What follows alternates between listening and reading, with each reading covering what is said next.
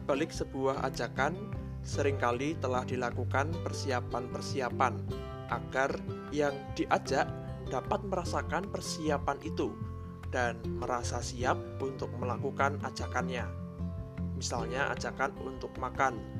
Tentu saja, makanan sudah disiapkan oleh yang mengajak, atau kalau ajakan makan di sebuah tempat makan sudah ditentukan tempat yang akan dituju, atau minimal kriteria tempat makan yang akan dituju mungkin dalam beberapa pilihan. Dalam hal ajakan atau undangan hikmat, Amsal 9 menggambarkan bahwa ada persiapan di baliknya. Amsal 9 ayat 1 sampai 6. Hikmat telah mendirikan rumahnya, menegakkan ketujuh tiangnya, memotong ternak sembelihannya, mencampur anggurnya, dan menyediakan hidangannya. Pelayan-pelayan perempuan telah disuruhnya berseru-seru di atas tempat-tempat yang tinggi di kota Siapa yang tak berpengalaman, singgahlah kemari. Dan kepada yang tidak berakal budi katanya, Marilah, makanlah rotiku dan minumlah anggur yang telah kucampur. Buanglah kebodohan, maka kamu akan hidup dan ikutilah jalan pengertian. Bacaan tersebut menggambarkan persiapan dan kesiapan hikmat yang berseru untuk mengajak kepada orang-orang yang mendengarkannya agar mereka dapat hidup dan berjalan dalam pengertian.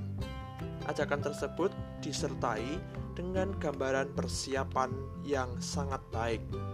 Hikmat telah mendirikan rumahnya, menggambarkan bahwa dalam hikmat itu ada naungan yang aman serta ada jaminan perlindungan. Hikmat itu adalah kuasa Tuhan dan datangnya dari Tuhan.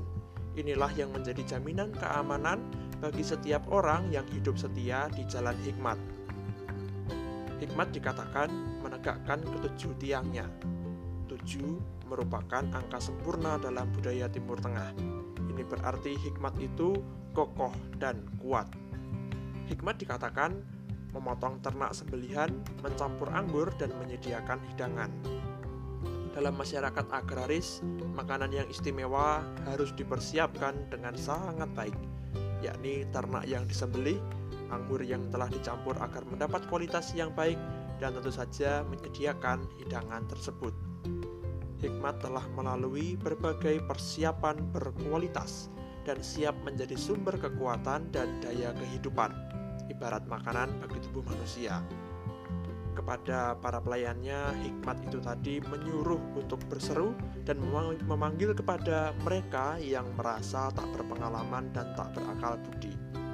Maksud panggilan ini ialah menyapa mereka, menyapa kita yang rendah hati, tidak sombong dan merasa hebat dan bersedia untuk belajar. Sapaan hikmat itu bukan untuk membodohkan yang terpanggil, tetapi memang diperlukan kerendahan hati untuk belajar hikmat dan senantiasa terbuka bagi karya dan kuasa Tuhan yang menyertai hikmat itu. Kita hayati ajakan hikmat yang telah sedemikian siap dan meyakinkan untuk diikuti, sehingga kita semakin teguh belajar hikmat dalam tuntunan Tuhan.